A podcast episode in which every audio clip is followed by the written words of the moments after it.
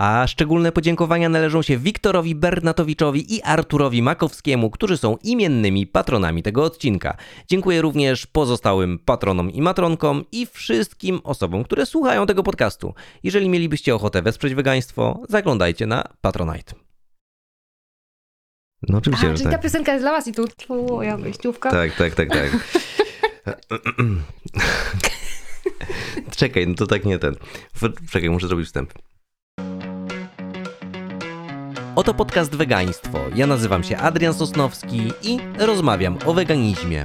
Jeśli ciekawi Cię, z czym to się je i nie tylko je, zapraszam do wysłuchania 79 odcinka pod tytułem Marsz Warszawa, Berlin i Lądek Zdrój. Obiecałem, że podsumuję krótko Marsz Wyzwolenia Zwierząt, który był 2 września tego roku. Wy już mieliście okazję posłuchać wywiadów z gośćmi tego marszu, ale to wszystko było nagrywane jeszcze przed samym wydarzeniem. Więc to, co tam się wydarzyło, no to o tym teraz, teraz będziemy mówić. No i sam marsz, e, no cóż, to jest takie, takie wydarzenie, to jest taka, taka rzecz, do której trudno jest mieć bardzo jednoznaczny stosunek. W sensie świetnie, że ten marsz się odbywa, ale ja mam trochę gorzkie em, doświadczenia z tym marszem. W sensie, no właśnie, i o tym sobie porozmawiamy. Jest ze mną Lidia. Dzień dobry. Tak, hej, Lidia, oczywiście nieformalnie tutaj, mniej formalnie prosimy. Cześć. Tak jest.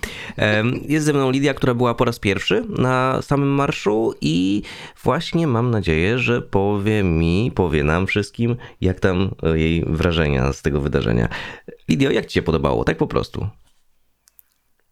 Taka chyba ważna sprawa, że y, tak uważam, marsze nie są od tego, żeby się podobało.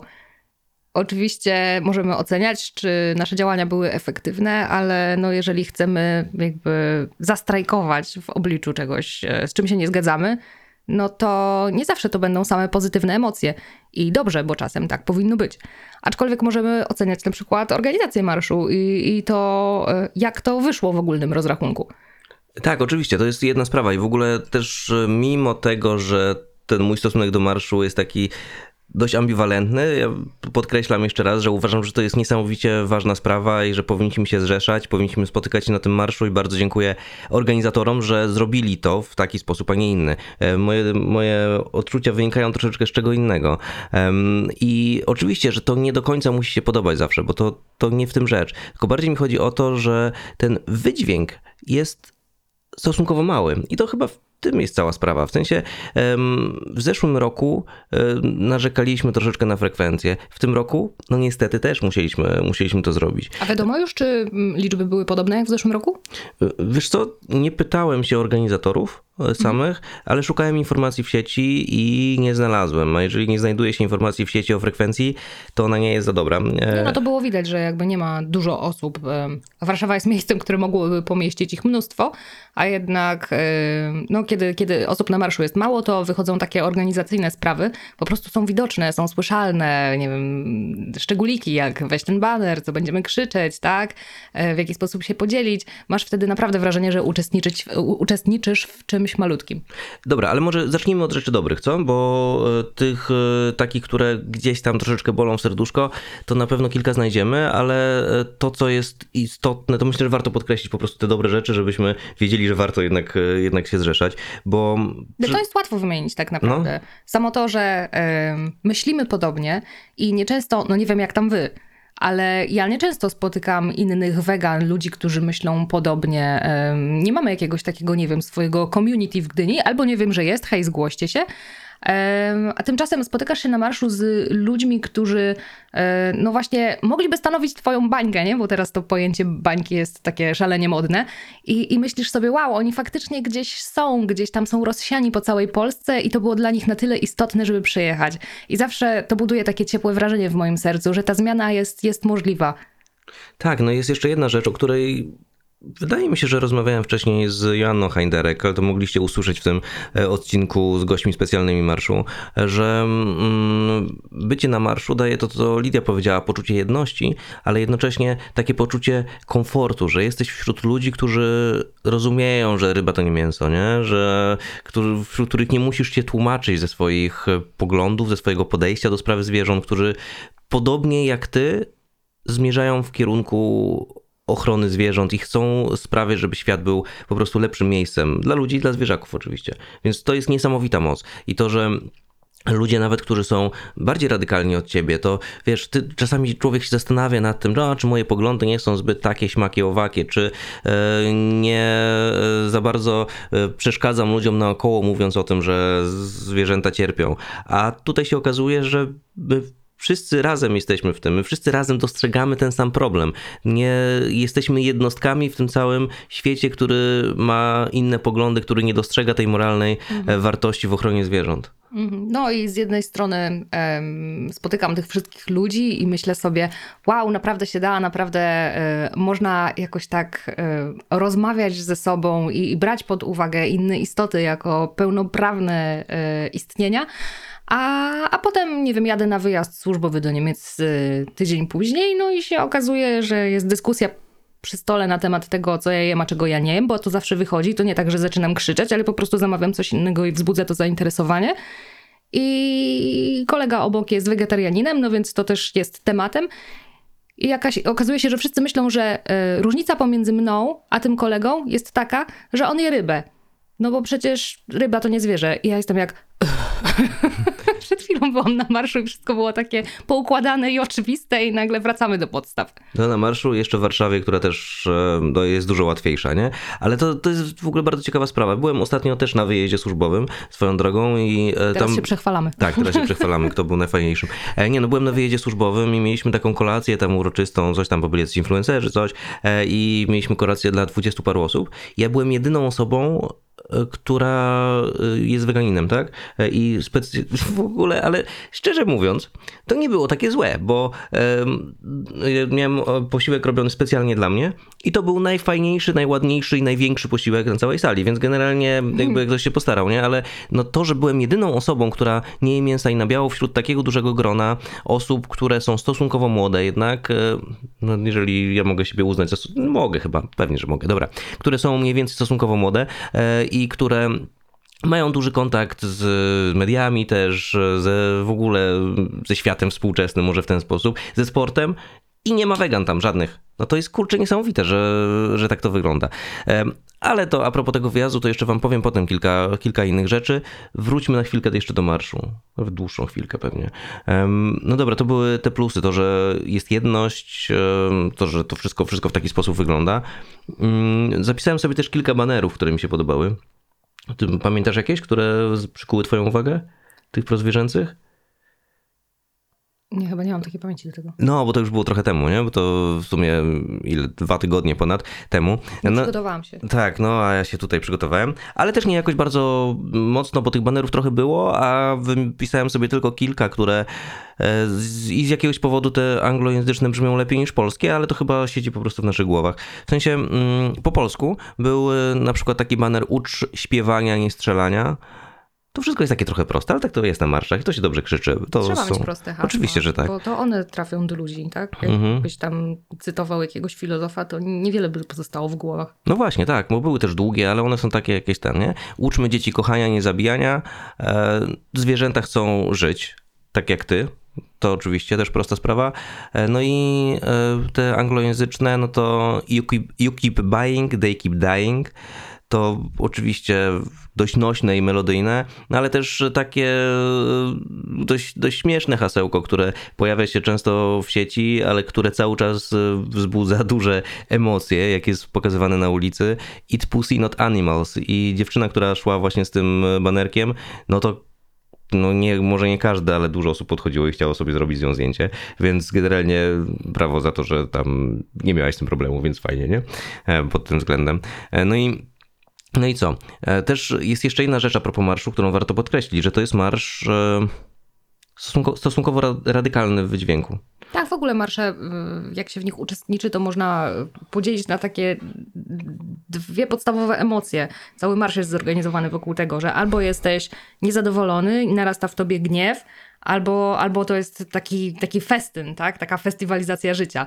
I, jeżeli mamy te marsze Boże, jak się nazywają? Pride, Pride, Pride. Równości. O. jeżeli mamy marsze, marsze równości, to one są nastawione w, na tę pozytywność, tak? Są, są flagi, jest festiwal, taki karnawał właściwie, są poprzebierani ludzie i, i chcemy się cieszyć i eksponować to, kim jesteśmy. A w przypadku takiego protestu co do tego, co się dzieje, e, nie wiem, czy jak był czarny marsz, czy, czy jak jest marsz w obronie praw zwierząt, no to one są takie trochę ciężkie, jeżeli chodzi o nastrój, nie? I to też może powodować, że ludzie nie tak łatwo chcą tam wejść i przeżywać to jeszcze raz, bo wszyscy wiemy, że zwierzęta są traktowane w okropny sposób i, i gniew jest taką mobilizującą emocją tutaj. A, a jeżeli to powoduje w tobie tylko smutek, na tym się zatrzymujesz, no to trudno jest, żeby, żeby w tym momencie jakoś podejmować akcję. Mm, tak, oczywiście, ale e, bardzo ważne jest to, że my będąc tam jakąś grupą, większą, mniejszą, to już obojętnie, i, i idąc ulicami miasta z tymi transparentami, e, pokazaliśmy swoją obecność. I to, że ludzie z kawiarenek sobie na nas patrzyli, patrzyli i widzieli, że generalnie taki ruch jest, e, że czasami podchodzili i się dopytywali. Anonymous for the Voiceless robiło tam e, dużą robotę, bo też zrobili sześcian prawdy e, zaraz potem, no i mm, zagadywali ludzi w niektórych momentach, więc jakby to się troszeczkę napędzało. No nie powiem, żeby ten oddzień był taki, że ludzie się do nas dołączali z tych kawiarenek, no bo nie, no nie dołączali się, no nie oszukujmy się, ale generalnie byliśmy widoczni, byliśmy widoczni jako grupa, jako jedność, jako to, że pokazaliśmy, że te sprawy też są ważne. No i... Było kilka osób, które dołączyły do marszu. Tak, bo w ogóle samo to, że jak wychodziliśmy spod e, Pałacu Kultury, to wydawało się, że no, frekwencyjnie to będzie kiszka, nie? Ale potem jakoś tak minęło kilka chwil i podczas no trwania no samego marszu, tak, no ale zrobiło nas się więcej. Już miło się patrzyło na ten tłum. Um, aczkolwiek dalej było to raczej kilkaset osób niż kilka tysięcy osób. No, no wyjście było takie, że myślałam sobie, wow, z roku na rok chciałabym, żeby rosło, a, a tutaj tego przyrostu nie widać. Ale jak y, okrążaliśmy rondo, czyli tak naprawdę robiliśmy zakręt i, i mogliśmy się przyjrzeć sobie nawzajem, tak, to nagle się okazało, że jest tam mnóstwo ludzi, mnóstwo transparentów, przynajmniej wtedy się już czuło, wiecie, bo te emocje też y, rosną. To jest jak, y, nie wiem, wesele albo wspólna impreza rodzinna na, na początku trochę ze sobą nie rozmawiamy, trochę jeszcze nie czujemy tego flow, a, a przy końcu co, nie zgadzasz znaczy, się? Nie, no to, tak, oczywiście, tylko że na imprezach rodzinnych i na weselach wchodzi alkohol, więc generalnie wiesz, to trochę rozbija Nie, no, no pewnie, no i tak jak mówiliśmy, no. tak, tam, tam masz karnawał, a tutaj jest raczej przygnębiająco i, i, i smutno. Ale... Przynajmniej taka jest tematyka. No ale koniec końców ludzie się naprawdę rozkrzyczeli, wyrobili w hasłach, e, nie bali się interakcji z ludźmi, którzy stali naokoło. To było fajne. Wtedy już czułeś tę moc. Tak, bo na początku jeszcze jak było nas trochę mniej, no to faktycznie krzyczeniem haseł był duży problem. No i nie powiem, że ja byłem osobą krzyczącą, a nikt nie krzyczał naokoło. No nie, no organizatorzy chodzili z megafonami, próbowali zachęcać Takie wszystkich. Takie Takie mm. szczekaczki, tak, próbowali zachęcać wszystkich do skandowania, a no jakoś ludzie nie reagowali, ale przez to, że brakowało takich e, no brakowało, żeby ktoś zaczął. I po, w momencie, kiedy już poczuliśmy atmosferę, to zaczęło się robić głośniej, zaczęło się robić, robić bardziej intensywnie. No i to jest super, nie? E, pod no, ludzie względem. potrzebują czasu, żeby się tak zjednoczyć, żeby czuć, że e, reprezentują to samo. Nawet jeżeli się spotykają w identycznych koszulkach o określonej godzinie. Tak, mi się podobało też jeszcze to, że mimo, że sam, sam marsz miał charakter radykalny, mocno abolicjonistyczny, co było widać też przy e, przemówieniach na końcu, ale o tych przemówieniach jeszcze za chwilkę, to były różne różne organizacje, nie tylko te bardzo radykalne w poglądach, może w ten sposób. Więc e, jakby pewna mnogość tych organizacji tam się pojawiła. Tak, tak, tak. A to jest, to jest dla mnie znowu e, jeden z plusów do wymienienia, że były tam bardzo różne organizacje, a nie, ten podział nie był odczuwalny. Nie było jakiegoś takiego naganiania między sobą wśród ludzi, którzy szli, że e, no nie wiem, wasze poglądy są bardziej albo mniej jakieś, nie? Raczej yy, wszyscy szli wierząc w tę wspólną sprawę, w to, że, że warto tam być. I to jest w ogóle też dość ciekawe wrażenie, dlatego że my z Lidią nie należymy oficjalnie do żadnej organizacji prozwierzęcej, więc nie podpisujemy się bezpośrednio pod żadnymi postulatami. W sensie raczej podążamy za tym, co tam nam Chcesz powiedzieć, że nie jesteśmy serce zrzeszeni. podpowiada. Tak, nie jesteśmy zrzeszeni. No. E, dokładnie o to chodzi. W związku z czym my w tej polityce bezpośrednio e, organizacyjnej nie uczestniczymy, tylko obserwujemy troszeczkę z boku. E, więc to wrażenie nasze może różnić się od wrażenia osób zrzeszonych właśnie w jakichś organizacjach. Dlatego, że tam dochodzi, nakłada się na to troszeczkę wewnętrznych sporów, które są w każdych grupach społecznych. No to jest w ogóle nor- najnormalniejsza sprawa, że jeżeli powstaje związek jakiś, to zaraz powstanie związek opozycyjny, robiący to samo, ale trochę inaczej. E, I tutaj jest dokładnie taka sama sytuacja i nie ma zupełnie żadnego zaskoczenia w tym wszystkim. E, Więc, e, więc to, że my odczuwamy tę atmosferę jako jednoczącą, no myślę, że jest e, dość, dość sporą mocą tego całego mm, wydarzenia. Tak, to jest osiągnięcie. To jest osiągnięcie. Em, Dodatkowo, mm, dodatkowo w ogóle na czele marszu był samochód, z którego skandowano, skandowano hasła. W trakcie właśnie były osoby ze szczekaczkami, które też, e, też e, krzyczały i tam sprawiały, że tej, tej mocy było więcej. No i były organizacje oprócz tych takich prozwierzęcych, w sensie zajmujących się zwierzętami hodowlanymi, zmianą przepisów, powiedzmy, tego typu rzeczy. Były też organizacje dotyczące zwierząt tych tak zwanych towarzyszących, czyli em, kotów i psów. Więc e, to też jakby zrzeszaliśmy się wszyscy razem. Mimo to wszystko, mimo że tych organizacji było dużo, że reprezentantów było dużo, pojawiały się głosy, że rok do roku na tych marszach widzi się podobne twarze, albo te same twarze i że często to są osoby, które To akurat dobrze, szkoda, że nie ma dużo nowych. tak, tak, tak. I to są osoby, które są weteranami, powiedzmy, aktywistycznymi, które prowadzą te, te różne rzeczy i brakuje właśnie troszeczkę nowej krwi. Bo em, niesamowite jest to samo w sobie, że my jesteśmy w Warszawie, jesteśmy w stolicy dużego europejskiego państwa, w którym em, jest multum wegańskich knajpek. Po prostu no masa, nie? Mówiło się o tym, że em, Warszawa jest najbardziej wegańskim miastem w Europie, a zaraz potem jest Berlin, chociaż Jesteśmy przed Berlinem. tak, były, były takie statystyki, chociaż mi się wydaje, że to, nie, że to nie jest prawda. Tak czy siak jest to bardzo wegańskie miasto, e, o czym też, e, też jeszcze w tym odcinku, odcinku powiemy kilka słów. Em, Ale dalej mieliśmy Marsz Wyzwolenia Zwierząt, na którym było trochę strzelam teraz 500 osób, nie? I wegan w Warszawie jest, kurczę, pewnie z 10 razy tyle. Czy przesadziłem? No na pewno więcej. Ja nie wiem. Na pewno więcej. E, sporo więcej. A tutaj zjechali się ludzie z różnych zakątków kraju. My przyjechaliśmy przecież z Gdyni, więc to jest tyle. Mieliśmy znajomych z nami, którzy przyjechali z Bydgoszczy, e, więc e, tam przyjechała jeszcze jakaś tam ekipa z Bydgoszczy i ludzie się po prostu zjeżdżali z różnych zakątków. No ale to jest wyzwanie właśnie dla organizatorów, myślę, w jaki sposób y, zrzeszyć, zwołać tych ludzi, tak? Sprawić, żeby się pojawili, bo wiemy, że oni są na miejscu.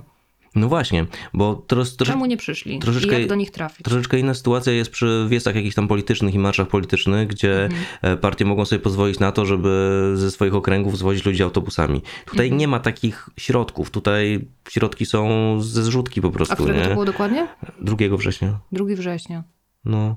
No to już powinni być w mieście, nie? No powinni być w mieście, jakby to powinno się wszystko składać. No i tam e, też e, teoretycznie plakaty były wysyłane do różnych knajp, różnych restauracji, ale wegańskich, ale nie było widać ich dużo też w tych lokalach. No to jest też trochę, trochę inna sprawa, jak to ugryźć organizacyjnie. Ja nie brałem udziału w organizacji samej, e, tylko byłem patronem medialnym, więc tutaj też nie za bardzo chcę się o tym wypowiadać, bo no, po prostu nie wiem, jak to wyglądało do końca od środka, nie? Mogę tylko oceniać jakby efekty, a to też nie zawsze będzie, będzie do końca fair, nie znając tych, tych procesów No, dokładnie, pewnie. nie? No ale też im więcej ludzi, tym więcej można dla nich zrobić tak naprawdę, nie? Bo znowu, jeżeli by oceniać, ile było tych wozów, ile było rodzajów, e, nie wiem jak to nawet nazwać, takich, wiecie, atrakcji na marszu, takich rozbijaczy, że pomiędzy tłumem co jakiś czas pojawia się a to, a to wóz, a to no nie wiem, orkiestra czy coś takiego, no to na przykład Marsz Równości w Gdańsku byłam ostatnio i jednym z fajnych elementów, które naprawdę oddziaływały na ludzi dookoła, również na tych idących i na tych poza e, samym, samym marszem, to była taka e, orkiestra stworzona z instrumentów perkusyjnych, tak naprawdę, a także jakichś gwizdków. I oni bardzo szybko łapali interakcje z ludźmi dookoła. I to, to było coś, wiecie, co bardzo, bardzo ładnie pomagało rozłożyć ludzi idących wspólnie. A, a tutaj, no co mieliśmy? Mieliśmy wóz, mieliśmy plakaty, tak? Trudno by wymieniać wszystko, ale, ale myślę, że to banery naokoło i, i, i nie było dużo tych elementów, które by jakoś e, urozmaicały marsz. Nie, były oso- osoby z tymi megafonami tylko, nie? To jest, Tak, to e, też, jest no. jakby wszystko. No ale fakt faktem, jak już dotarliśmy do, bo sam finał marszu był e, na Placu Zamkowym przy kolumnie Zygmunta, to jak dotarliśmy tam na miejsce, to też Wielka Wegańska Inkwizycja mm, zagrała jeden, jeden utwór na początku. Okej, w tak, tym, w tym roku była scena, w zeszłym roku, jeżeli dobrze pamiętam, tylko mówcy wchodzili na murek, który tam był. Teraz była scena, scena była oklejona banerami, było nagłośnienie, które było lepsze niż w zeszłym roku i to są duże plusy na pewno. No i Wielka Wegańska Inkwizycja zagrała ten swój singlowy utwór, co też dało troszeczkę, troszeczkę mocy i potem bezpośrednio były już e, przemówienia. Gośćmi specjalnymi w tym roku mm, miał być, e, no była w ogóle Karolina Kuszlewicz, to jest niesamowite, pani mecenas Karolina Kuszlewicz, adwokatka, z którą mogliście słyszeć rozmowę w poprzednim odcinku Wegaństwa, która jest osobą niesamowitą i bardzo się cieszę, że pojawiła się na tym marszu i podkreślała istotność praw zwierząt, w ogóle pojęcia, jakim jest prawo, pra, jakie są- prawa zwierząt e, i, i mówiła właśnie o tym sporo.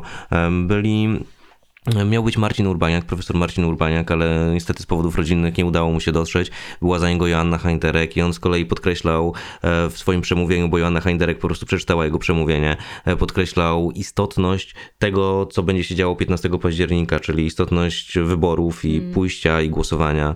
Em, Potem z kolei e, była, była Monika Kochut, która mm, reprezentowała organizację Animals Voice i ona z kolei bardzo krytykowała osoby jedzące mięso. Co też nic dziwnego, bo to jest organizacja mocno abolicjonistyczna, bardzo radykalna, w sensie nie wiem, czy abolicjonizm można stopniować, chyba nie.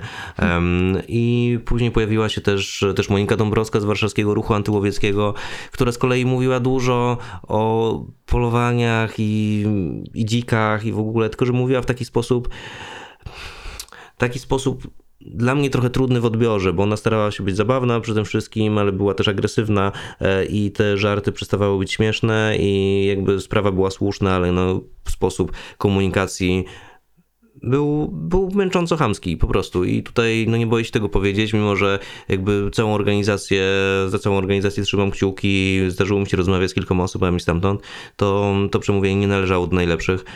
A jakbyś miał tak, mm, może nie wypunktować, ale wskazać taki słaby y, moment w przemówieniu, który mógł być przegięciem i który inni mogli odebrać odwrotnie. Wiesz co, no, nie jestem w stanie cytować z głowy, w sensie mm, ona troszeczkę przeklinała w tym, używała wulgaryzmów, co w sumie nie jest złe, ale e, mówiła... Mm, no, używała zdrobnień, używała przekleństw, tak, e, wiesz, parodiowała jakby słowa ludzi, którzy... Populistyczne w Tak, takie populistyczne, tak. po- Ludzi, którzy zgłaszali sprawy z dzikami, a potem dziki były, e, były zabijane i mówiła, że przecież ten dziczek nic wam nie zrobi, tego typu rzeczy, nie?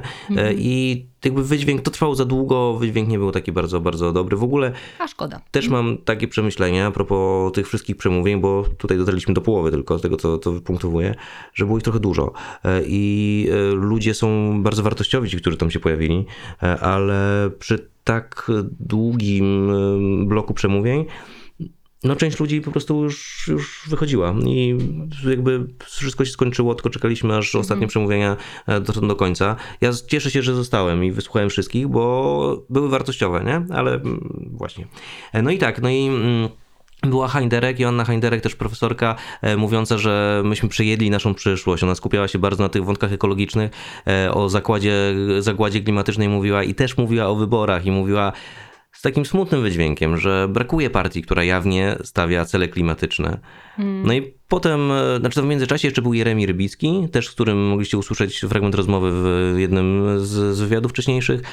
No i był Dariusz Gzyra, który z kolei mówił dużo o emocjach i mówił w taki sposób, że na początku część osób zastanawiała się, szczególnie tych, która, która go nie znała, czy tam wszystko, czy, czy ta, ta wypowiedź do końca zmierza, bo on po prostu wymieniał emocje i już. I dopiero potem na koniec to wszystko się złożyło w całą większą całość.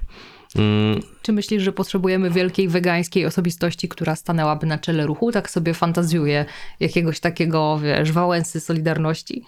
Znaczy ja nie wiem, czy my potrzebujemy Wałęsy weganizmu, czy e, może my takiego Wałęsa weganizmu już mamy, tylko w postaci chociażby Sylwii Spurek, która była w zeszłym roku, w tym roku, w tym roku ze względu na inne obowiązki nie mogła się pojawić.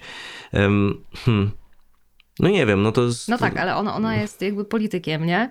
I, I myślę bardziej o, o postaci, oczywiście Wałęsa koniec końców też, no. też chodziło tam o sprawy polityczne, tylko myślę o tym, że politycy reprezentują e, wiele interesów naraz i, i czasami muszą trochę łagodzić swoje wypowiedzi. E, więc zastanawiam się, czy nie lepsza byłaby taka, wiesz, osobistość trochę z ludu, nie? która miałaby po prostu wpływ na ludzi, którzy reprezentują różne interesy. No może tak, tylko że wiesz, to, to jest ciężkie, no bo z, z, jak, jak, z ludu wyłonić taką osobę, która by się pojawiła, nie, to no, musiało być... musi się chyba trochę stać, nie? To musiałby być ktoś bardzo medialny, kto przejmuje inicjatywę, nie? W sensie, nie wiem, taki hołownia, tylko że nie zajmujący się trzecią drogą, tylko zwierzętami, nie? Aha. I trochę mniej katolicyzmem. No ale dobra. E, ale pytanie, czy taka osobistość by mogła pomóc, czy raczej ona jest zbędna? Trudno powiedzieć, co? Znaczy, ja myślę, że my potrzebujemy cały czas twarzy reprezentujących zwierzęta, mm, nie? Więcej twarzy. E, okay. I to, jak na przykład otwarte klatki robiły e, nagrania z aktorami, którzy oglądali nagrania z kolei z, z, z rzeźni, bodajże albo z hodowli świń i mówili o swoich emocjach przy okazji, no to są mm. niesamowicie mocne rzeczy. Mm. Do kogo to dotrze, to już jest inna sprawa, ale mm. chodzi o to, że, um, że te postaci, które tam się pojawiają, one oddziałują na, na ludzi po prostu, no bo to są mniejsi lub więksi idole niektórych osób, nie? -hmm. Więc jeżeli um, nawet, e, nawet tak, no jeżeli Olga Tokarczuk mówi e, o zwierzętach podczas e, swoich przemówień różnego rodzaju, jeżeli ona udziela się w, we wstępie książki o myślistwie, znaczy antymyśliwskiej książki, no to mhm. nagle okazuje się, że, że ten głos może być słyszalny. I to jest bardzo istotna sprawa. Więc e, tak. A swoją drogą otwarte klatki teraz opublikowały taką serię śledztw, które prowadziły i, i też to jest e, szokujące, co tam się działo. Tak, to udostępniłem na storiesach też. -hmm. No, znaczy, wiesz, to mnie w tym momencie to nie zaskakuje już, nie? Że takie rzeczy się dzieją. Um... No, ale jest wielu ludzi, którzy nie zdają sobie sprawy dalej i oni potrzebują materiału dowodowego cały czas. Tak, i w ogóle to jest całkiem niesamowite, że mnie to już nie zaskakuje. Dla mnie to są materiały, których ja nie chcę już oglądać, ale czuję, że one są bardzo, bardzo istotne, bo my musimy cały czas powtarzać, cały czas nagłaśniać tego typu sytuacje, dlatego że za każdym razem trafiamy do nowej grupy, za każdym razem wykraczamy kawałeczek poza, poza, poza to, co było do tej pory i też Marsz Wyzwolenia Zwierząt też jest takim wykroczeniem poza schemat, wejściem w przestrzeń publiczną, więc to jest kurczę mega istotne, nie?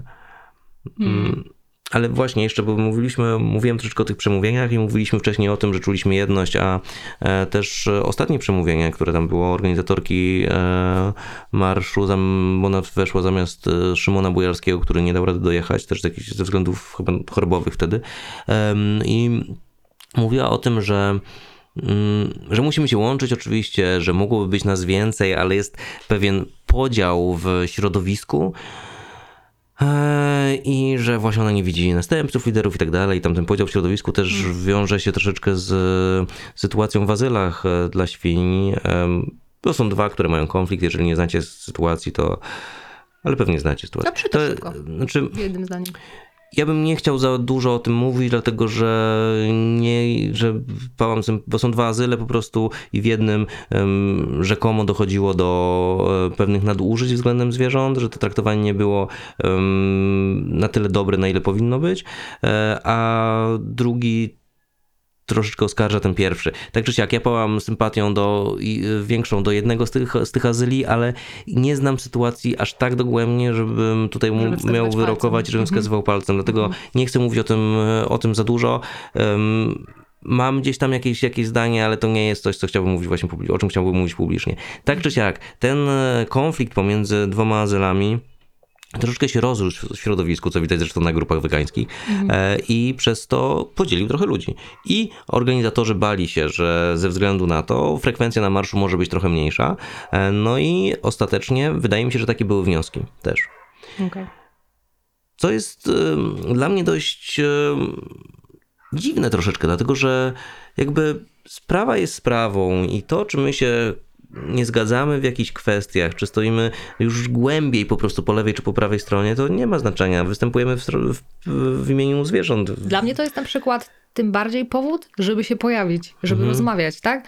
Bo nawet jeżeli coś nas dzieli, no to właśnie tym więcej jest takiego wewnętrznego poczucia, że trzeba przyjść i trzeba powiedzieć. Może trochę ludzie, wiesz co, wydaje mi się, że ludzie ostatnio boją się y, sytuacji konfliktowych i w ogóle więcej sytuacji uważają za konfliktowe. Jak mają różne zdania i mają między sobą wymienić się tymi poglądami, no to zaraz, zaraz czują, że to musi być wojna na to, które są lepsze, tak? I, I że jak nie padnie ostateczne rozstrzygnięcie, no to w najwidoczniej któraś ze stron przegrywa. A może nawet obie. A to nie to chodzi, nie? No tak, ale to troszeczkę może być zaostrzone przez media społecznościowe, dlatego że em, dużo łatwiej jest em, się wzburzyć i mówić rzeczy ostateczne Tu znowu na forum. Tak, a jak się już jak rozmawia twarzą w twarz, to zazwyczaj jesteśmy trochę łagodniejsi, nie? Więc e, możliwe, że to. No, co pokazuje w- wspaniałą taką predyspozycję człowieka do tego, żeby jednak y, dążyć do konsensusu, nie? No, no, no, więc może to, że po prostu tam to jakby ten spór narósł tak bardzo w mediach społecznościowych sprawia, że trudniej jest e, przejść na tym do porządku dziennego e, i przyjechać na coś, gdzie można się skonfrontować, nie? E, Poza tym też ostatecznie wydaje mi się, że ten spór polega na tym, że mieliśmy jakieś przekonania a propos jednego z tych azyli i wspieramy i tak dalej i wierzymy tym tamtym gościom z tego azylu, a nie wierzymy za bardzo drugim i odwrotnie. I każdy ma swoje racje, ale one nie do końca mm, zazwyczaj są podparte czymś więcej niż emocjami, nie? Więc... no nie wiem, dobra, nie chcę, nie chcę wyrokować, tak czy siak, mniejsza, zamykamy ten e, temat. Czy jeszcze a propos marszu, masz tam jakieś, jakieś dodatkowe przemyślenia? Zbyt ogólne pytanie. A, dobra. Okej, my po marszu zostaliśmy sobie jeden dzień w Warszawie. I mm, no co, i co robiliśmy? Chodziliśmy po knajpach w sumie, jedliśmy wegańskie żarcie tylko. I tam nic więcej się specjalnie nie działo, jeżeli chodzi o tę Warszawę, ale to w takim razie, jak już ro- rozmawiamy, to jak odbierasz Warszawę pod kątem wegańskim? W sensie, czym ona się różni od Gdyni dla ciebie? Odległościami. znaczy, e, niby knajp jest więcej, a nawet nie niby, no bo wiemy, że są, bo to jest policzalne, ale żeby po prostu jakoś swobodnie przemieścić się od jednej do drugiej i popróbować, no to to jest e, robota, to jest coś, co trzeba zaplanować, uwzględnić w twoim e, rozkładzie dnia, żeby po prostu nie stracić go na e, środkach komunikacji miejskiej, albo żeby oszczędzić nogi. A ja No. lubię chodzić. No tak, tak, my tam trochę chodziliśmy, ale faktycznie są też takie zagłębia wegańskie powiedzmy, tak? Czyli tam e, na Now- Nowym Świecie, tam w okolicach Brackiej, nie pamiętam dokładnie tych ulic, po których e, tam chodziliśmy. Możemy sprawdzić. Chmielna? Wydaje mi się, E, że To chyba była Chmielna, no to chyba, tak. E, No i tam się okazuje, że jest wegańska knajpa na wegańskiej knajpie. Jeżeli jesteście z Warszawy, to oczywiście wiecie i walimy truizmami tutaj, ale część osób, duża nawet, która słucha tego podcastu, nie jest z Warszawy, więc to mówimy dla was. E, Tak czy siak, e, knajp jest wegańskich dużo i moim zdaniem to jest o tyle ciekawa rzecz, że po prostu są pewne ulice, gdzie czujesz się swojsko, będąc weganką czy weganinem, bo gdzie nie spojrzysz, masz jakieś wege rzeczy do A zjedzenia. mi się to nawet podobało, że jesteś w tym takim centrum centrum, czyli nie wiem, przy Pałacu Kultury yy, i, i nawet tam jest takie bistro, jeśli mogę tak powiedzieć. Ty Mówisz o tym miejscu, gdzie jedliśmy śniadanie? Tak, dokładnie. No to jest e, bar stu- studio, kawiarnia studio, czy kafe studio to się nazywa, O, e, bo no. to jest przy, te, przy teatrze, nie? I, i, I tam mogliśmy zjeść, kurczę, jedno z najcudowniejszych śniadań, jakie jadłam wegańskich tak naprawdę. Było bardzo smaczne, było na słonku, było mnóstwo miejsc dla ludzi, wiecie, przestronnie, uprzejmie. Em, No jest ten warszawski klimat, czyli obok remont i ruchliwa ulica. Bardzo mi się podobało. Tak, ale to jedzenie było ciekawe, bo to był bardzo nieoczywisty, było bardzo nieoczywiste danie, bo to była taka, co to było, taka pita, taka jakaś, jakiś taki chlebek dziwny, e, z, przykryty po prostu o, rzeczami, które tam sobie, sobie wybraliśmy. Ja miałem chyba fasolkę i, i coś tam jeszcze, ty miałaś... e, Coś na zasadzie Coś na zasadzie pomidorów, faroszku, e, czegoś takiego, ale mm, bardzo nieoczywiste danie i bardzo smaczne danie jednocześnie, więc generalnie tego jest dużo i to właśnie też w samym centrum i wystarczy wyjść kawałeczek dalej i się okazuje, że jest knajpa za knajpą. W Gdyni na przykład o godzinie 20 restauracje się zamykają już, bo wszyscy, z- jeżeli chcą się pobawić, to śmigają do Sopotu, e, a w Warszawie nagle się okazuje, że jest 22 tam z groszem czy coś, my jesteśmy głodni i znajdujemy kebaba, który jest otwarty i jest w ogóle do tego tak absurdalnie tani, że e, no ja dawno nie jadłem tak taniego, taniego kepsa, nie? Tak, no ja miałam takie przemyślenia, że wow, tak właśnie powinno być. E, jemy coś, co jest w pewien sposób uboższe, bo nie ma, nie ma w środku składnika, nie ma mięsa. Nie trzeba było zabić zwierzęcia, żeby, żeby przygotować to danie. I faktycznie cena jest odpowiednia do tej filozofii, tak? Jest po prostu tanio, stać nas na to. No tak, to oczywiście było takie miejsce, mm, to tutaj chyba możemy powiedzieć nazwę, to nie ma co tego. To był Webab, e, który też rzucałem na story, storyki i to było takie miejsce stosunkowo tanie, stosunkowo proste, częściowo samoobsługowe, jedna osoba to wszystko obsługiwała, więc jakby... Ja się czułam trochę jak na studiach. No trochę tak, trochę tak. No i to tego dokładnie się spodziewamy po tym, jak przychodzimy i mamy taką cenę, aczkolwiek to było niesamowite i też jest ciekawa rzecz, bo byliśmy właśnie ze znajomymi z Bydgoszczy i znajomi z Bydgoszczy mówią, że jak chodziliśmy po knajpach w Warszawie, to w Warszawie jest taniej niż w Bydgoszczy. Ja tak patrząc też na... E... I taniej niż w Gdyni w wielu miejscach. I taniej niż w Gdyni w no, wielu miejscach. Droga, I myślę, że generalnie to nie jest tak, że Warszawa jest tańsza, tylko chodzi o to, że zróżnicowanie knajp przez ich liczbę, um, znaczy ich jest tak dużo, że to zróżnicowanie może występować, jeżeli chodzi o ceny. A... Ale też przekrój społeczny jest bardzo no. zróżnicowany no. w Warszawie. Ja myślę, że te knajpy odzwierciedlają go tak po prostu. Może być. A w Gdyni po prostu wchodzisz i wszędzie masz taką samą stawkę, czyli powiedzmy dania są od 30 do 40 zł i dziękuję bardzo i nie ma jakby żadnej różnorodności, nie? I trudno no, jest gdzie znaleźć... mają być te knajpy, które no. są ciekawe w Gdyni, tak? W okolicach centrum. Centrum mhm. jest małe Gdyni. W porównaniu do Warszawy, no to w ogóle, Tak, nie? mówimy o wegańskich knajpach, nie? Bo są jeszcze oczywiście jakieś takie turbo, yy, turbo takie biznesowe knajpki, gdzie przystawki zaczynają się od 50 zł, ale to jest jakby... No, ale to nie o tym. To nie, to nie o tym zupełnie, nie? To Więc... tak. Więc tak czy siak, da się zjeść sporo taniej niż w Bydgoszczy w Warszawie, to jest duży plus i też sporo taniej niż w Gdyni, to też jest dodatkowy plus. I ja myślę, że to jest też fajna rzecz. No i też w tym kontekście, knajp wegańskich jest dużo. Może być stosunkowo tanio. Gdzie jesteście weganie i czemu nie na marszu? No tak. No właśnie. Co zrobić? To jest pytanie. Co zrobić, żeby ludzie chcieli się jednoczyć? No, ale też e, a propos tych knajp jeszcze wegańskich w Warszawie, no to one są też zorientowane w jakichś w jakichś e, rejonach zazwyczaj. To w sumie jest dość chyba sensowne, bo po prostu nie musisz się rozbijać po 50 dzielnicach, żeby e, znaleźć coś do jedzenia, chociaż faktycznie tak jak my mieszkaliśmy, to trochę musieliśmy krążyć, bo to był kawałeczek. E, ale tak czy siak, jak sobie myślę o Warszawie w kontekście Berlina, w którym ostatnio też e, i mieliśmy razem być okazję i ja też byłem sam, to cóż no to tamtych knajp wydaje mi się, że jednak jest więcej, ale też e, to nie jest tak, że niezależnie od tego, w którym miejscu Berlina jesteś, to nagle masz wszystko wegańskie. E, na Friedrichshain na przykład jest dużo, nie? Ale mhm. już kawałek dalej może się okazać w kolejnej dzielnicy, że są tylko takie normalne kawiarnie i w ogóle jest dużo mniej restauracji. A są miejsca, gdzie po prostu gdzie nie idziesz, to szyld za szyldem albo knajpa jest wegańska, albo e, knajpa ma dużą część menu wegańskiego. Mhm. No tam już można iść o krok dalej i pracować nad tym, żeby to jedzenie było naprawdę pełnowartościowe, nie? a nie tylko takie fast foodowe. Oczywiście fast foody też będą potrzebne gdzieś tam, wiecie, po imprezie fajnie zjeść kepsa.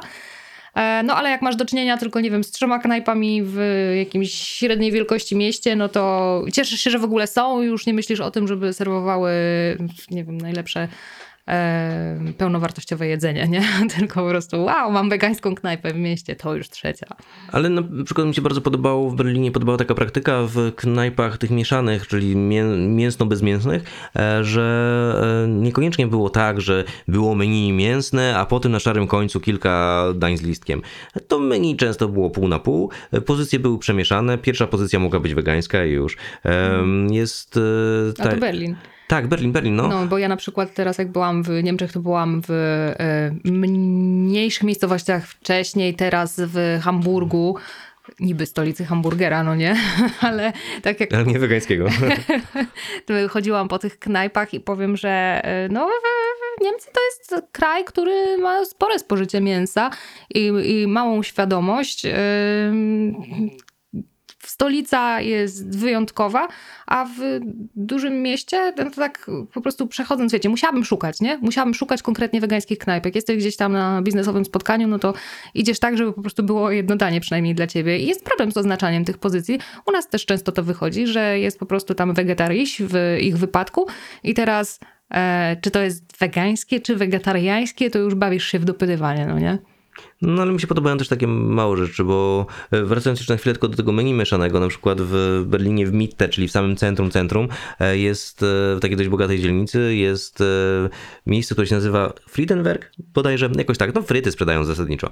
No i tam jak masz danie z, danie jakieś tam meksykańskie z awokado i ze śmietaną i z mięsem mielonym, to no jest tylko w wersji wegańskiej. Jeżeli nie chcesz wegańskiej, to dziękuję bardzo, możesz pójść gdzieś indziej, a obok zaraz masz po prostu kur kurczaka z frytkami i też jest w porządku, tylko po prostu nie ma dubli, że no mięsarianie muszą zjeść mięso, a weganie mają wersję taką samą, tylko że bez mięsa. No bez sensu, bo to smakuje podobnie. No ale jeszcze a propos Berlina, co w Hamburgu, tak jak mówisz, jest niewidoczne, mi się bardzo podobały takie drobne rzeczy. W sensie, jeżeli chcę przepłacić za kanapkę w pudełku plastikowym, którą można kupić u nas w każdej żabce czy gdzieś indziej, ale chciałbym, żeby była wegańska, no to tam idę sobie do pierwszego sklepu, do jakiejś edeki czy do czegoś, no i mam, no i tyle. No, kosztuje to tam, nie wiem, około 4 euro, ale dalej jestem, mam, mam to dostępne. Idę sobie do kawiarni i w wielu miejscach mogę dostać jakieś dwa albo trzy wypieki, które są wegańskie i są oznaczone jako wegańskie. Czy to będzie ciasto francuskie ze szpinakiem, czy coś, jakaś parówka wegańska w cieście, no to to obojętnie, to nie, mus, nie musi być nie wiadomo co, tylko chodzi o to, że w takim Berlinie ja nie muszę się martwić, że w pewnym momencie, jeżeli nie pomyślę o tym, e, co zjem na śniadanie, to zostaje mi tylko Subway. Mam jakiś wybór, mogę pójść normalnie na kawę, nie spinać się i zjeść sobie do tego przekąskę, która jest wega, nie? I jest fajnie. No, w ogóle osobna historia to są hotele i ich śniadania. Napisałam do hotelu przed tym, jak tam przyjechałam, że hej... W Hamburgu. Tak, tak, no. tak. Że będę, jestem weganką, Gdyby się coś znalazło wegańskiego na śniadanie, byłoby miło. Nie chciałam tam naciskać, pomyślałam sobie w razie czego zjem bułkę z dżemem. No i odpisano mi oczywiście, że, że tak, mam, mają dżem i, i mają miód. No, więc napisałam, ok, zostanę przy dżemie. więc nawet nie było jakiejś tam dużej woli, nie, żeby sobie coś zorganizować. No, no to z kolei byłem teraz w Lądku Zdroju e, i tam byliśmy na festiwalu górskim, to mniejsza, no z pracy e, i spaliśmy sobie w takim takim dworku pół hotelu, nie? I tam e, ktoś zgłosił, że jestem jedyną osobą, która nie je mięsa i nabiału. E, no i pani się mnie pyta, ta właścicielka tego, tego, a czy pan to jest ta osoba? Ja mówię, tak.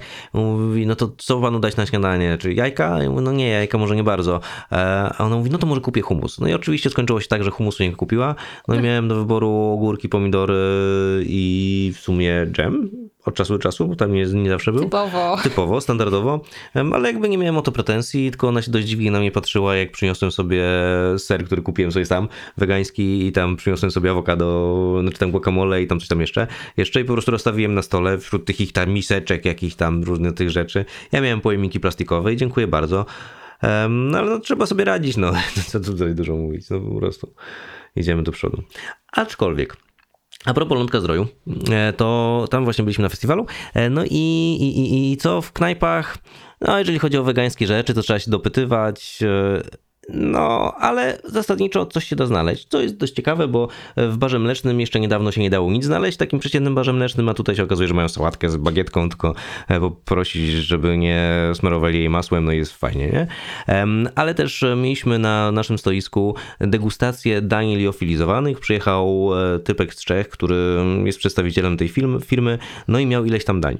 A no może powiesz e, zdanie o tym, co to jest liofilizacja? A, no tak, w sumie nie każdy może wiedzieć. Mhm. Liofilizacja to jest e, sposób jakby konserwacji dań, żeby były długo przydatne do spożycia. To je się mrozi, potem się je suszy i wychodzi takie no danie gotowe, które jest hermetycznie próżniowo zapakowane i ono jest, to jest, ma taką przewagę nad zupkami chińskimi, że tam nie ma żadnych konserwantów, udziwniaczy, dodatków smakowych, takich e, sztucznych, e, tylko po prostu to jest danie pełnowartościowe, normalny obiad, tylko że przygotowany w taki sposób, żeby mogło 3 lata leżeć w piwnicy, żeby się z tym nie stało. Pozbawione nie? wody, nie? Tak, pozbawione wody, bo się zalewa wrzątkiem i ten i nara. No i ten gość z Czech przywiózł dania prawie same mięsne. Mówi, że chciał wziąć dwa wegańskie, ale jakoś tak mu nie wyszło i wziął jedno tylko wegańskie. No i ludzie, którzy przychodzili do nas na stoisko, okazywało się, że tak średnio byli zainteresowani tymi mięsnymi. W sensie... O!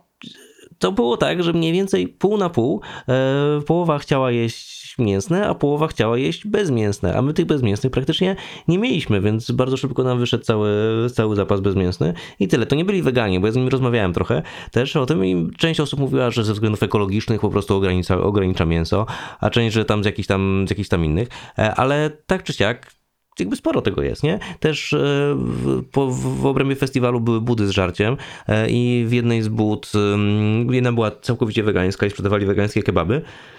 Byli też w zeszłym roku w porze- ogólnie w porządku. Tutaj nie ma co narzekać. Ceny festiwalowe, więc to też jakby normalna sprawa. Ale obok był normalny, był dwa, dwa burgery e, i w jednym burgerze mieli Beyonda po prostu, w wersji wegetariańskiej wprawdzie, bo tam dodawali majonez i coś tam jeszcze, ale co bardzo ciekawe, ten e, można było poprosić bez majonezu i bez sera i było git. E, I co bardzo ciekawe, patrzyłem jak oni smażą te kotlety i oni wszystkie normalne mięsne smażyli sobie na takim blacie metalowym e, po lewej stronie, bułki smażyli po prawej stronie, ale te burgery Beyonda smażyli też po prawej stronie, żeby się nie mieszały, nie mieszały z mięsem. Więc w O, ogóle miło. piąteczka, nie? Zajebiście, No. bardzo fajnie. E, I e, to było to, a zaraz obok był też, e, była też burgerownia, tylko że oni tam mieli po prostu jakieś tam wegetariańskie kotlety, tam buraczane czy coś, nie? E, Więc ten, ale no generalnie ten wegetrend, jeżeli tak możemy powiedzieć, gdzieś jest cały czas obecny i też jak e, bo my jako e, wystawcy mieliśmy tam opaski VIP-owe i VIP-owskie i też mogliśmy wejść na, e, bo były wieczorem koncerty i tam były takie e, takie miejsca, z, z, gdzie były przekąski wystawiane i w tych miejscach z przekąskami też była wegetariańska pizza, był wegański hummus i wegańskie coś tam jeszcze było, jakieś tam przekąski. Więc jakby wegetarianie, weganie jesteśmy obecni w świecie, więc fajnie, widać nas. I jesteśmy na tyle dużą grupą, że e, jesteśmy zauważalni, ludzie starają się robić coś też dla nas. Więc fajnie, gratulacje. Albo kiedyś uczestniczyliśmy w takim kursie e, związanym z Nordic Walking i py, pytanie padło do grupy, e, kto e, chce pójść na przerwę obiadową i tam dostać jakieś roślinny, roślinny typ jedzenia, o w ten sposób. I wtedy połowa grupy podniosła rękę. I to też było takie, o, jesteśmy gdzieś, jesteśmy, nie? Tak, dlatego że e, no, w ogóle dużo ludzi poznałem e, też podczas tego festiwalu, bo to było tak, że no, mieliśmy takie stoisko, które wymagało interakcji z ludźmi, więc e, trochę sobie gadaliśmy. Ja też tam robiłem. No, też spotkałem kilka osób, które się pojawią w podcaście później, ale to już jest inna, inna sprawa zupełnie. No i rozmawialiśmy o tym, o tym jedzeniu, bo to siłą rzeczy po prostu wychodzi czasami, nie? E, No i się okazuje, że bardzo dużo osób nie myśli, myśli o weganizmie jako o czymś takim właśnie mocno radykalnym i te względy moralne gdzieś tam ich trochę interesują, ale nie są takie ostateczne, ale ze względów środowiskowych, ze względu na to, że chcą robić coś troszeczkę lepiej, ograniczają. No i oczywiście to nie jest idealne wyjście, no ale jakby lepiej ograniczać niż nie ograniczać. Wychodzimy z tego założenia, więc wszystko spoko i mogę w takich sytuacjach tylko im powiedzieć, że no ja reprezentuję trochę inną postawę i to wynika z tego i z tego i że uważam, że no jakby krzywdzenie zwierząt jest krzywdzeniem zwierząt, aczkolwiek no lepiej tak, tak jak mówię, niż, niż gdyby mieli jeść tego mięsa, mięsa bardzo dużo. Oczywiście to nie jest idealne rozwiązanie, wiemy o tym, ale no Ale zobacz, sa- samo to, tak sobie teraz e, myślę, że to, jeżeli dajesz ludziom wybór i oni, oni z różnych względów, wiesz, jesteśmy różnymi ludźmi, dla kogoś e, ekologiczne, ktoś tam już zauważył, że hodowla przemysłowa jest nie fair, e, ktoś tam ma względy, względy zdrowotne, tak czy siak, jeżeli dajesz ludziom wybór, czy chcą roślinną opcję, czy chcą mięsną opcję, no to zwiększasz spożycie tych roślinnych e, automatycznie, tak? Bo są ludzie, którzy zaczynają się przyzwyczajać, że mają tę roślinną opcję, że mogą ją wybierać, że ona może na przykład być dla nich lepsza, mogą jej spróbować, nie wiem, mogą lepiej trawić. Powinniśmy wprowadzać po prostu alternatywę roślinną, nie? Tak, a jednocześnie dbać o to, żeby walczyć o to, żeby mm, no, prawo się troszeczkę zmieniało, żeby ludzie faktycznie zaczęli na tych wysokich stołkach myśleć o tym, że można pomagać zwierzętom, że zwierzęta to nie są tylko przedmioty e, i że ta, ta, ta kwestia jest bardzo, bardzo istotna. No i jakby mm, to jest właśnie ta dyskusja troszeczkę o tym, czy metoda małych kroków, czy, czy jednak abolicja ogniem całkowite. No ja uważam, że jestem troszeczkę gdzieś pomiędzy tym wszystkim, dlatego że mamy świat idealny i mamy świat, który jest światem, w którym musimy sobie radzić i działać wedle pewnych, pewnych zasad i obalenie ich jest praktycznie niemożliwe, no więc poprawiajmy to, co się da, tak bardzo jak się da i dążmy do tego, żeby tych zwierząt w ogóle nie wykorzystywać. No ja myślę, że obie metody są potrzebne, ale trzeba je stosować e, jakby w, w pewnej kolejności, że małe kroki są potrzebne po to, żeby później duże nie były dziwne, nie? E, tak, to w ogóle bardzo chyba dobrze jest, jest ujęte, nie? Bo, no i na przykład no. zobacz, brakuje nam w tym momencie e, roślinnego jedzenia w szkołach puszczasz dziecko do szkoły i ono nie, nie, ma co jeść, tak? Nie może się odżywiać tak, jak jego rodzice by chcieli, zgodnie z tym, jak ono samo myśli tak naprawdę. Bo z wegańskich domów często wychodzą dzieci, które wierzą po prostu w wegańską dietę i, i, i wiedzą, są badane i tak dalej, że, że są, są zdrowe i to nie powoduje u nich żadnych deficytów. I nagle pojawiają się w szkole i po prostu nie mają co jeść. Muszą być tym, tym dzieckiem chodzącym, wiesz, z pudełkiem i, i z zestawem obiadowym dla siebie, nawet jeżeli jest stołówka, to po prostu nie będzie tej opcji, chyba że chcesz jeść same ziemniaki na przykład, nie? Mm. I, i jak szkolić e, społeczeństwo i pokazywać im, że są odpowiednie drogi, jeżeli dopiero na ostatnim etapie e, czyjegoś życia i rozwoju zawodowego mówimy mu, a tutaj jesteśmy jakby otwarci, mamy otwarte głowy, więc mamy też wersje wegańskie albo roślinne różnych dań. I teraz oni dostają taki sygnał, że okej, okay, to jest e, wyszukany sposób odżywiania się że teraz już jestem, nie wiem, na biznesowej kolacji albo jestem ambasadorem i, i jem obiad w WHO i tam dostanę roślinne jedzenie, nie? I, I powinno to być coś normalnego, co znasz już z dzieciństwa. A, a my nie potrafimy zrobić tego kroku. Tak, w ogóle to bardzo jest ciekawa sprawa, że oprócz tego, że tego nie ma w szkołach, tak, tego jedzenia, że nie ma w szpitalach, bo w szpitalach to po prostu jest dieta, która jest uboższa o pewne rzeczy, jeżeli masz mieć dietę roślinną, dziękuję bardzo, więc fajnie, chleb z dżemem, bardzo mi miło, no ale ten, ale to, to jest, to wynika też z tego, jak rodzice podchodzą do spraw diety wegańskiej. W sensie mamy takie przeświadczenie jako społeczeństwo, że dieta wegańska jest trudna, że jest bardzo uboga, że w ogóle nie wiadomo co. No i co wy tam jecie? Co wy tam jecie? Ja mam znajomych, którzy mocno ograniczają mięso, e, którzy mają małe dzieci, albo w ogóle nie jedzą mięsa i ograniczają nabiał i mają małe dzieci, ale i tak i tak tym dzieciakom e, dają e, kotlety z kurczaka, czy dają mleko do picia dodatkowo, bo są tak przyzwyczajeni, że tak się zawsze robiło i że to jest dobre dla dziecka i w ogóle, i w ogóle, i w ogóle. I nawet jeżeli sami są ograniczać, to dziecku nie wprowadzają roślinnych zamienników. I no to jest taki strach, w który w nas żyje. Ja ostatnio rozmawiałam z jedną koleżanką w pracy, no i e, rozmawiałyśmy o tym, jak, jakie, jakie diety stosują, e, albo my, my zapodajemy tak naprawdę naszym zwierzętom i ona zupełnie mm, pozytywnie się odniosła do pomysłu, żeby koty karmić e, wegańskimi puszkami, E, bo pomyślała sobie, no to są zwierzaki i e, jest to karma, która wiesz, ma etykietę, że jest dla kota, więc spoko, nie?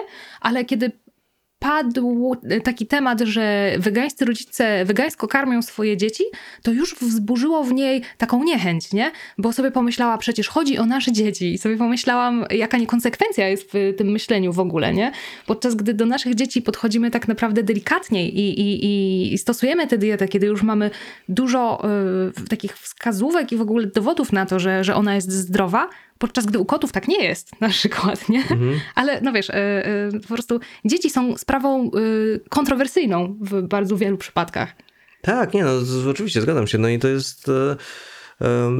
No właśnie, bo są dowody na to, że my jako społeczeństwo jemy za dużo mięsa. Po prostu, dużo za dużo. Ale dzieciakom wciskamy kotlety co, co obiad, Chociaż nie? mięsko zjedz. Chociaż mięsko zjedz, nie? Na tej zasadzie, a wiesz, no nawet jeżeli mówimy o wegetariańskich rzeczach, to kotlety jajeczne, czy wiesz, czy naprawdę kotlet z buraka, czy kanapka z humusem, a nie z szynką, to nie zrobi krzywdy dzieciakowi. No wiesz, no to tutaj naprawdę nie ma co się jakoś specjalnie czarować. Jeżeli nie chcesz e, karmić dziecka wegańsko, bo się martwisz e, o, to, o to, czy dasz sobie radę z, ze względami diety, dietetycznymi, bo na pewno to jest pewne wyzwanie, bo to jest mhm. przeciwstawianie się temu, co, czego uczyła się w domu i um, dbanie o obecność mikroelementów w diecie odpowiednich, e, ale no naprawdę no, dzieciaki nie muszą jeść szynki co kanapkę, no to jest tyle. No, nie to muszą z tą szynką to średnio ser, zdrowa sprawa, nie? No nie, no szynki to jest dramat jakiś, e, ale no to wiesz, po prostu no, jest dużo, czy past warzywnych, czy gofry możesz zrobić wegańskie, czy naleśniki możesz robić wegańskie, to jest proste jak proste, no, proste, no, proste. E, I... No, ludzie po prostu nie wiedzą No, i musimy im powiedzieć. i są rzeczy, które smakują... Szkoda, że nie możemy tego zrobić w szkole. I są rzeczy, które smakują zupełnie tak samo. Przecież wegański majonez się nie różni niczym od niewegańskiego majonezu, jeżeli jest zrobiony dobrze, no naprawdę. No, to jeżeli nie wierzycie mi w to, kupcie sobie majonez z Biedronki. No, ten najtańszy wegański, jaki jest na rynku, on tam kosztuje trójkę czy 3,50 i smakuje jak majonez po prostu, a jest tańszy od zwykłego, nie? E, Więc jakby to tyle, a jeżeli byście chcieli zrobić sami majonez, to dajcie znać, to podam wam taki przepis, że padniecie, jak zrobicie, bo jest, jest przepyszny i dużo lepszy niż jakikolwiek majonez, który jadłem Pomysł jako na dzieciak. Tak, e, więc tak, no dobra, tyle. Rozmawialiśmy o marszu, powędrowaliśmy w jakieś takie, W jakiejś dzieci. w jakieś dzieci, no. Mm. Okej, ja wam chciałem jeszcze powiedzieć o czymś, ale o czym to było? O, to było o planach na najbliższy, najbliższy czas, chyba że masz jeszcze coś do dodania. A nie, to dziękuję, do widzenia. Tak, Dobra. No to plany na najbliższy czas są takie, że nagrywamy odcinki, słyszymy się co poniedziałek. W najbliższy poniedziałek będzie coś ciekawego. Jeszcze nie do końca wiem, który odcinek będzie opublikowany w poniedziałek, ale o tym dowiecie się na pewno w poniedziałek. E, Więc tyle. Ja dziękuję w tym miejscu Lidii oczywiście za to, że podzieliła się swoimi przemyśleniami, bo to zawsze wartościowo tutaj można posłuchać i mówi wartościowo. O, dziękuję. Dziękuję No za tak. każde zaproszenie i dziękuję, że słuchacie. Dziękuję wam. Okej, a ja dziękuję też e, patronom i matronkom, którzy na Patronite dokładają cegiełkę do podcastu Wegaństwo. Bardzo, bardzo się cieszę, że pokazujecie to wsparcie, bo to daje mi znać, że to te rzeczy, które robię są wartościowe i, i, i no i po prostu sprawia to, że chce mi się dalej e, nagrywać i tworzyć te treści dla Was. Zatem jeszcze raz dziękuję Wam bardzo. My się słyszymy w najbliższy poniedziałek. Zaglądajcie na media społecznościowe wegaństwa. Jednoczcie się. Jednoczcie się na marszu wyzwolenia zwierząt i następnym, który będzie i w ogóle innych em, rzeczach związanych z em, wegańskim aktywizmem też bierzcie Potem też udział. możecie siedzieć w tych swoich zamkniętych pokojach. Tylko tak czasami się jednoczcie, nie? Tak wiecie, no tam dwa razy na rok. Nie? Tak, miło nie, by było. ale tak naprawdę no, ja zachęcam do tego, żeby zostać wegańskim aktywistą nawet w, swoim domu, e, w sensie troszeczkę gdzś tam przemycajcie ten, ten weganizm. Kroczki. pokazujcie, że no małe kroczki, małe kroczki, ale pokazujcie, że weganie są w społeczeństwie i że mamy e, siłę, żeby zmieniać świat i poprawiać go dla zwierzaków, e, bo to jest jakby ten imperatyw moralny, za którym e, weganie, weganie podążają. E, Wiem, że nie wszyscy się ze mną zgodzą, ale to jest też temat na inną dyskusję. Zatem jeszcze raz dziękuję Wam bardzo, że wysłuchaliście tego odcinka do końca. Zaglądajcie na TikToka, Facebooka, Instagram i na YouTube'a wegaństwa. No i co jeszcze? I słyszymy się za tydzień. Jeszcze raz dzięki, dzięki, dzięki wielkie. Do usłyszenia. Pa, pa.